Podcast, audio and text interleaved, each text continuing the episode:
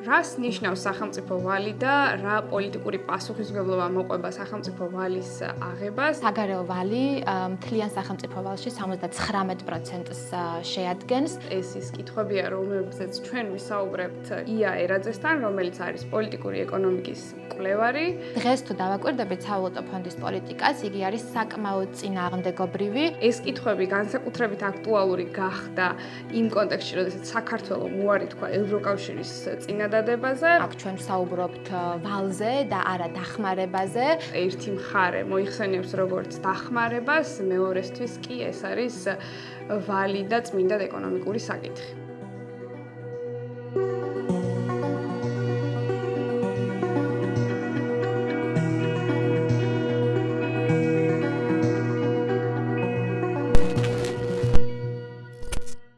მოგესალმებით, ვაგრძელებთ ინტერვიუების ციკლს სხვა კუთხე. დღეს ამ გადაცემას წარუძღვები მე, თათული ჭუბაბრია, სოციალური პოლიტიკის პროგრამის დირექტორი და ჩვენი საკითხია დღეს სახელმწიფო ვალი.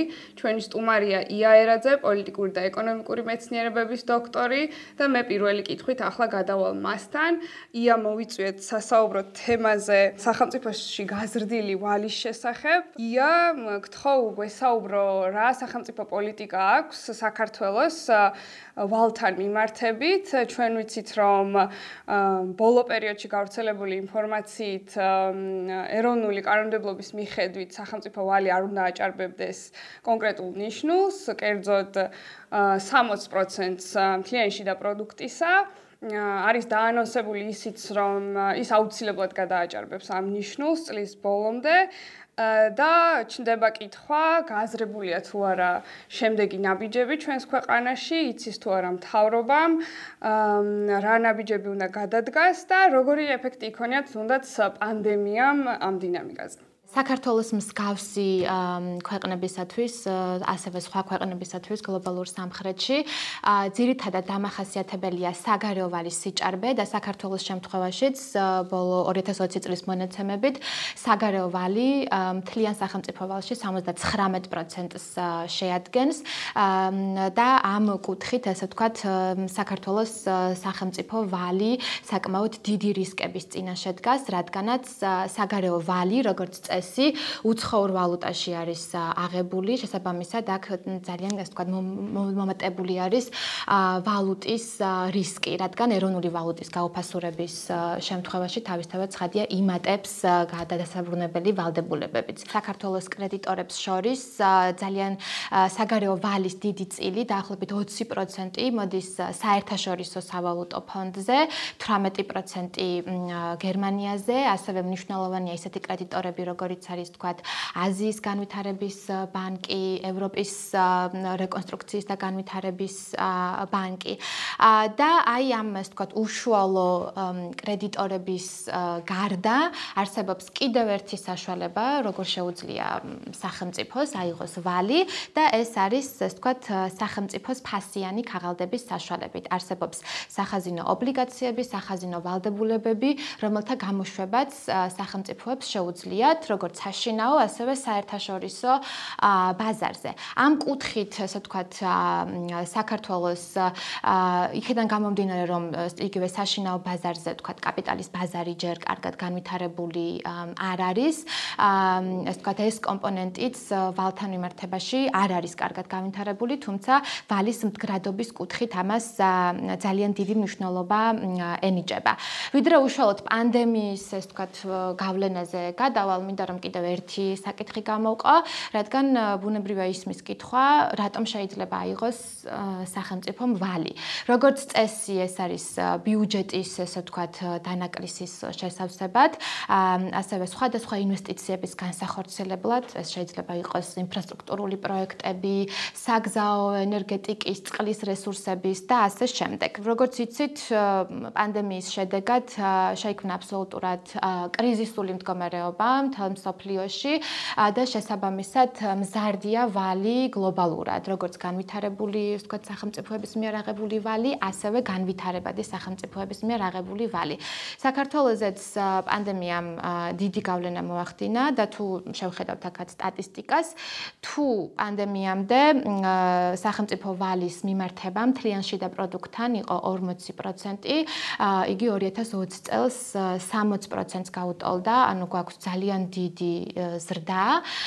და სწორედ აქ ამას მიემართება ასევე შენს მიერ დასმული კითხვა კანონით განსაზღვრულ ზღვართან 60%-თან, რამაც ესე ვთქვათ განგაშის სიგნალი და ზარი შემოკრა საქართველოსში და დაიწყო იმაზე საუბარი თუ რა აი დაიწყო კი საუბარი ეს მაინტერესებდა, იმიტომ რომ პირველ რიგში ალბათ მოსახლეობასაც ეს აინტერესებს რა რეაგირება იგეგმება მას შემდეგ რაც ვიცით რომ ამ ნიშნულს გადავაჭარბეთ და გადავაჭარბებთ ხო? ანუ ეს გარდაუვალი მოცემულობა და როგორია მაშინ ნებისმიერ სახელმწიფოს ქცევა ან კრედიტორისა ან იმ გლობალური აქტორებისა ვინც ჩვენ სახელმწიფო ვალზე ასე ვთქვათ დიდ გავლენას ახდენენ სამომავლოდაც და მიმდინარე პერიოდში კი, ამაზე საუბარი ნამდვილად დაიწყო, იმიტომ რომ ასევე ჯერ კიდევ 2020 წელს გაჩნდა პროგნოზი იმასთან დაკავშირებით, რომ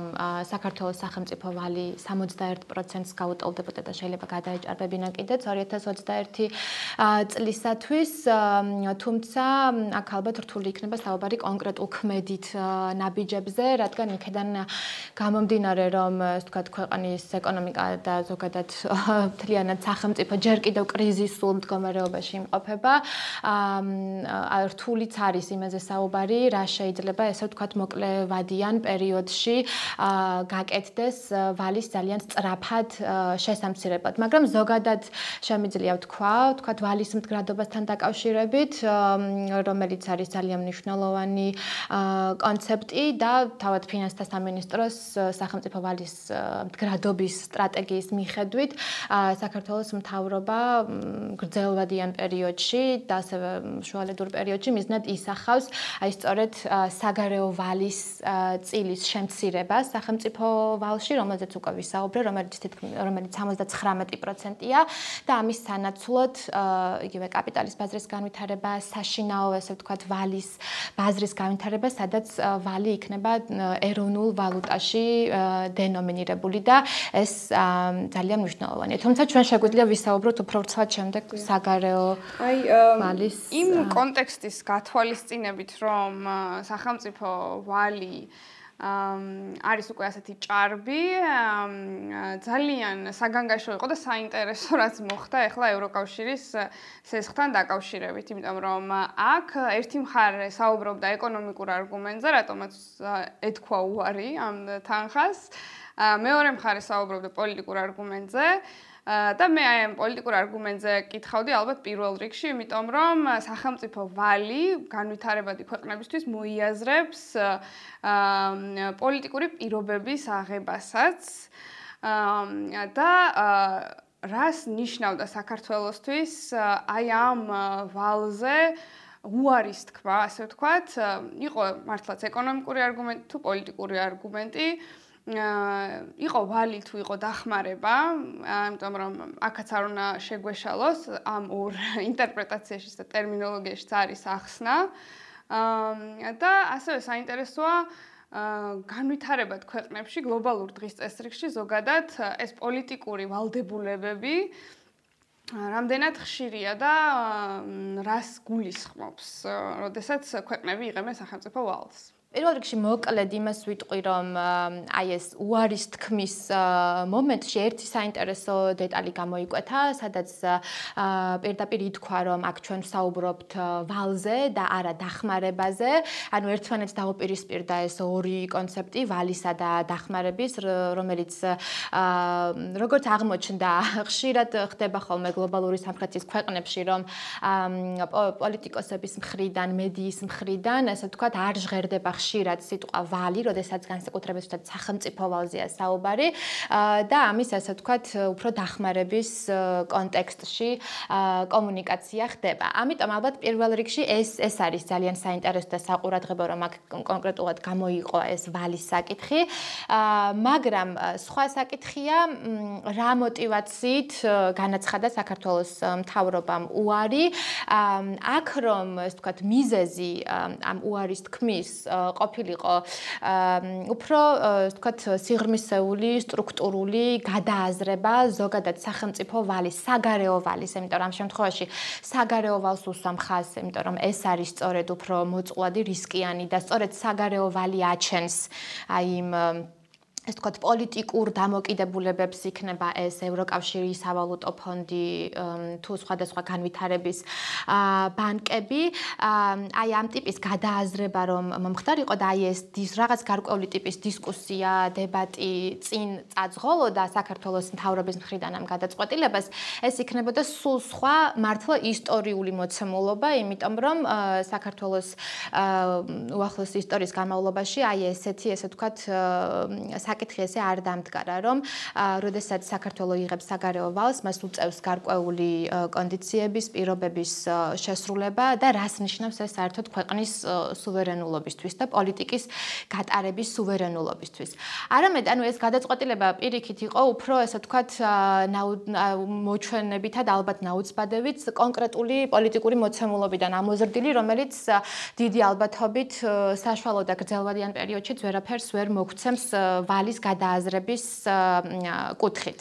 და მაშინ თუ არანაირი პირობა იმის შესახებ არ თუ არაფერი არ შეცვლა იმის შესახებ რომ საქართველოს ვალის საჭიროების წინაშე მაინც დადგება და შეიძლება უკვე დგას ჩდება კითხვა ხომ არ ეცდება საქართველოს სახელმწიფო რომ ეს ვალი აიღოს სხვა კრედიტორებისგან ასე ვთქვათ აა ვკითხულობ იქიდან გამომდინარეც რომ ალბათ ამას უკვე კრედიტორების ბაზარზე რაც კონკურენციაც ქვია, როდესაც თუ კონკრეტული ერთი კრედიტორისგან მოდის გარკვეული ტიპის პოლიტიკური ვალდებულებები ამ სესთან დაკავშირებით, შესაძლოა ქვეყანა უკვე ირჩევდეს სხვა კრედიტორს, რომლის ვალსაც სულ სხვა პირობები უკავშირდება, ხომ არ არის აი გლობალურ დღის წესრიგში რაღაც ესეთი კონკურენციის მსგავსი ურთიერთობა უკვე კრედიტორებსა და მომხმარებლებს შორის, ასე ვთქვათ, სახელმწიფოებს შორის, ვინც იღებენ ამ სახელმწიფო ვალს.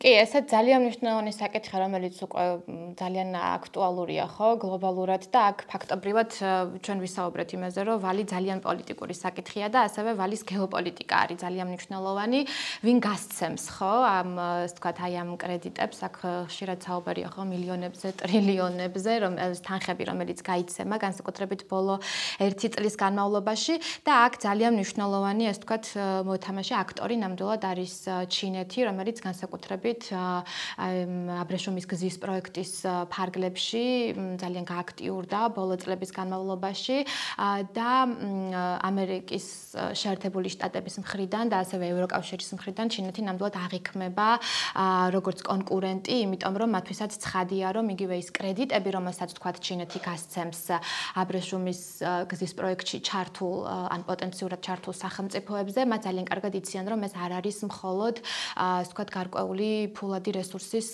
მიწოდება. აა პირობები ახლავს, ხო? ხო, აი ეს პირობები არის ძალიან საინტერესო და ალბათ აქ ნამდვილად არის ეს თქვათ განსხვავება. აა შეიძლება გავმიჯნოთ თქვათ თუ ევროკავშირი სახელმწიფოებს დაუყენებს პოლიტიკურ მოთხოვნებს, რომელიც ახლა ძალიან ნათლად გამოჩნდა ზუსტად აი ამ ასე ვთქვათ ევროკავშირისგან აღებული ვალის პირობებში, სადაც თუ ნახავთ მემორანდუმს, რომელიც გაფორმდა საქართველოს თავრობას და ევროკავშირს შორის, იქ ისეთი ძალიან სპეციფიური მოთხოვნები არის ჩადებული, როგორიც არის მაგალითად კორუფციასთან ბრძოლა, იგივე ვთქვათ შრომით ბაზარზე გარკვეული რეფორმების განხორციელება, სასამართლოს რეფორმა და ასე შემდეგ. ამ ტიპის ასე ვთქვათ პოლიტიკური მოთხოვნები ნაკლებად მოსალოდნელია ვთქვათ ისეთი კრედიტორისგან, როგორიც არის ჩინეთი და ხშირად აკადემიურ ლიტერატურაშიც ხშირად ხდება იმის ხაზგასმა, რომ ხშირად ძალიან გაუმჭვირვალეა ის, ვთქვათ, კონდიციების პირობები, რა პირობებითაც ჩინეთი ვალს გასცემს, მაგრამ აქაც ძალიან დიდი სიფრთხილეა საჭირო. არსებობს უკვე რამდენიმე მაგალითი და ერთ-ერთი ეს ყველაზე ცნობილი მაგალითი არის შრი-ლანკის მაგალითი, რომელმაც 2018 წელს თავისი ერთ-ერთი მნიშვნელოვანი თავისი მნიშვნელოვანი პორტი დაკარგა, ესე ვთქვათ, იმის გამო რომ ვერ გადაიხადა ჩინეთის მიმართ ვალდებულებები და ასე ვთქვათ, გარკვეული სიფრთხილე გაჩნდა ცალკეულ სახელმწიფოებში. ასე ვთქვათ, ჩინეთთან აღებული ვალთან მიმართებაში. ერთი საყურადღებო მომენტია კიდევ ჩინეთთან მიმართებაში, როგორც წესი, ვთქვათ, დასავლელი კრედიტორები სახელმწიფოებზე ვალის გაცემის დროს დიდ ყურადღებას აქცევენ რეიტინგებს, რომელიც გაიცემა საერთაშორისო სარეიტინგო კომპანიების მიერ, თუმცა ჩინეთი დიდად არ ხელმძღვანელობს ამ რეიტინგებით და ისეთ სახელმწიფოებსაც შეიძლება ასეცყოს ფული, რომლებსაც დაბალიან საერთო საჭო რეიტინგი აქვს და ეს ეს თქვა თავდაყირა აყენებს გლობალური თამაშის წესებს და ამცირებს თუნდაც აი ამ საკრედიტო რეიტინგების მნიშვნელობას. აი როგორც აღნიშნე მუშუპოსთან მიმართებით 40-დან 60%-ამდეა სახელმწიფო ვალის ოდენობა გაზრდილი 2019 წლიდან 2020 წლამდე. საქართველოში, მაგრამ საინტერესოა როგორია გლობალური დინამიკაც, იმიტომ რომ პანდემია არის გლობალური კრიზისი. აა მაგრამ ერთგვარად შეეხოთ თუ არა ეს განვითარებად ქვეყნებს და განვითარებულ ქვეყნებს ეს მინდა და მეკითხა. აა და ასევე საინტერესო რა გამოსავალი იპოვეს სავალუტო ფონდმა და დიდმა განვითარების ბანკებმა თუ ქვეყნებმა, კრედიტორებმა აა საკუთარი ქვეყნებისთვის და განვითარებადი ქვეყნებისთვის. პანდემიის, ასე ვთქვათ, გავლენა თავისთავად ხადია, რომ განსხვავებულად აისახა ხო, დიდარ და ღარიბ სახელმწიფოებზე, თუმცა მოცემულობა არის ის, რომ გლობალურად გლობალური ვალი არის მზარდი და საავტო ფონდის პროგნოზით ის მიაღწევს, ასე ვთქვათ, უპრეცედენტო ნიშნულს გლობალური მთლიანი შიდა პროდუქტის 101%-ს, რაც იმას ნიშნავს, რომ მთლიანად ასე ვთქვათ, გლობალურად სახელმწიფოების ვალის მოცულობა უპრეცედენტო პრეცედენტოდ არის გაზრდილი ამ ნიშნულზე ის არ ყოფილა არც 2008-2009 წლის ფინანსური კრიზისების შემდეგ. და ამ მოცემულობაში ძალიან საინტერესოა ჩვენთვის განსაკუთრებით განვითარებადი ქვეყნების მზარდი ვალი. და განვითარებადი ქვეყნების ეს თქვათ სახელმწიფო ვალის ზრდა უკვე იმდენად შემაშფოთებელ ნიშნულებს აღწევს იმიტომ რომ აქ ჩვენ გვაქვს არა მხოლოდ ვალის ზრდა არამედ ისიც რომ ეკონომიკები არ იზრდება შესაბამისად ვალის ფარდობა მთლიანში და პროდუქტთან როგორც საქართველოს შემთხვევაში ნახეთ უფრო მზარდია.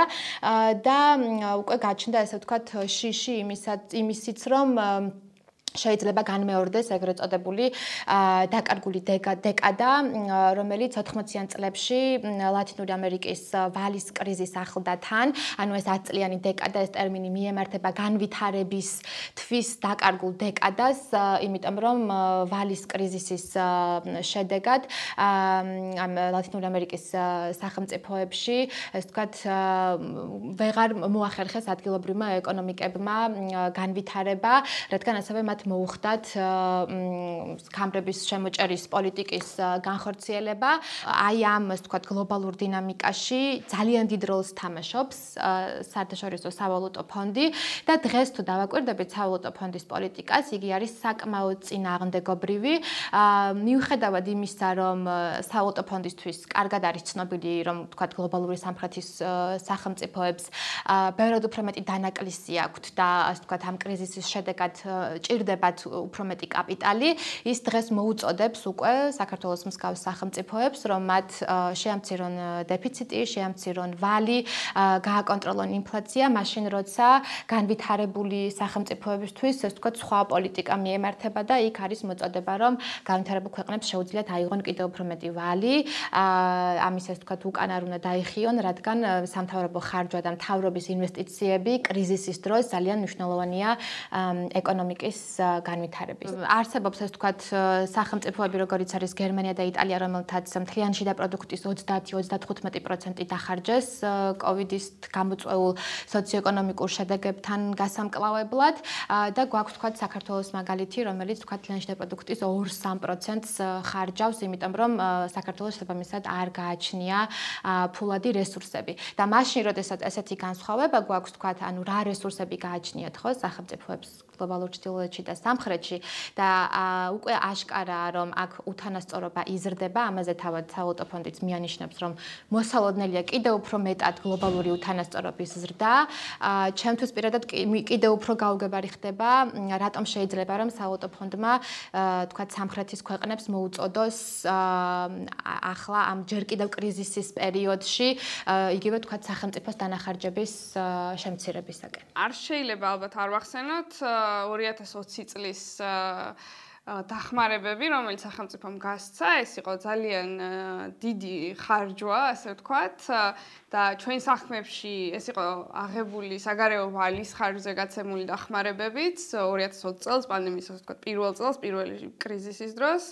აა და შეგახსენებთ, რომ მაშინ ეს დახმარებები გაიცა არამხოლოდ აა სიგარების ზღვარს ქვემოყოფი ადამიანებისთვის და თქვათ ადამიანებისთვის, ვინც დაკარგეს დასაქმების ადგილები, არამედ გაიცა ბიზნესებზეც, მაგრამ გაურკვეველი იყო რეალურად რამდენად მიემართებოდა ეს ხარჯვითი პოლიტიკა, რაც პროდუქტიული ეკონომიკის და განვითარების ეკონომიკის შენარჩუნებისთვის და წახალისებისთვის.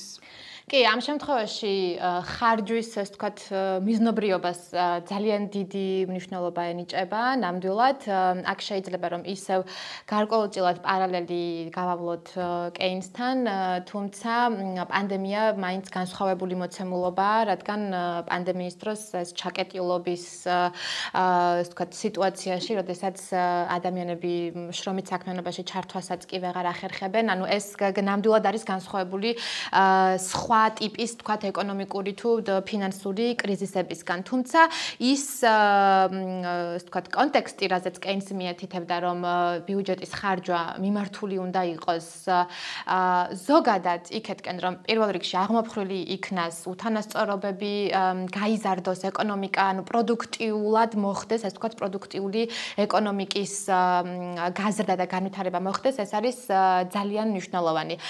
და ამიტომაც ასე თქვათ კეინსი ხაზგასმით აღნიშნავდა და წერდა, რომ მოთხოვნის გაზრდა და დასაქმების ადგილების შექმნა იყო ძალიან მნიშვნელოვანი იმისათვის, რომ მე უკვე ცირკულარულად ეკონომიკაც გაზრდილიყო.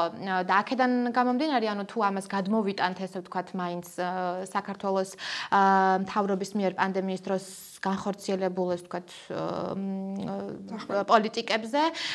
მიხედავთ იმისა რომ პანდემია მაინც სხვა მოცემულობა ნამდვილად გარკვეული ბუნდოვანების განცდა რჩება.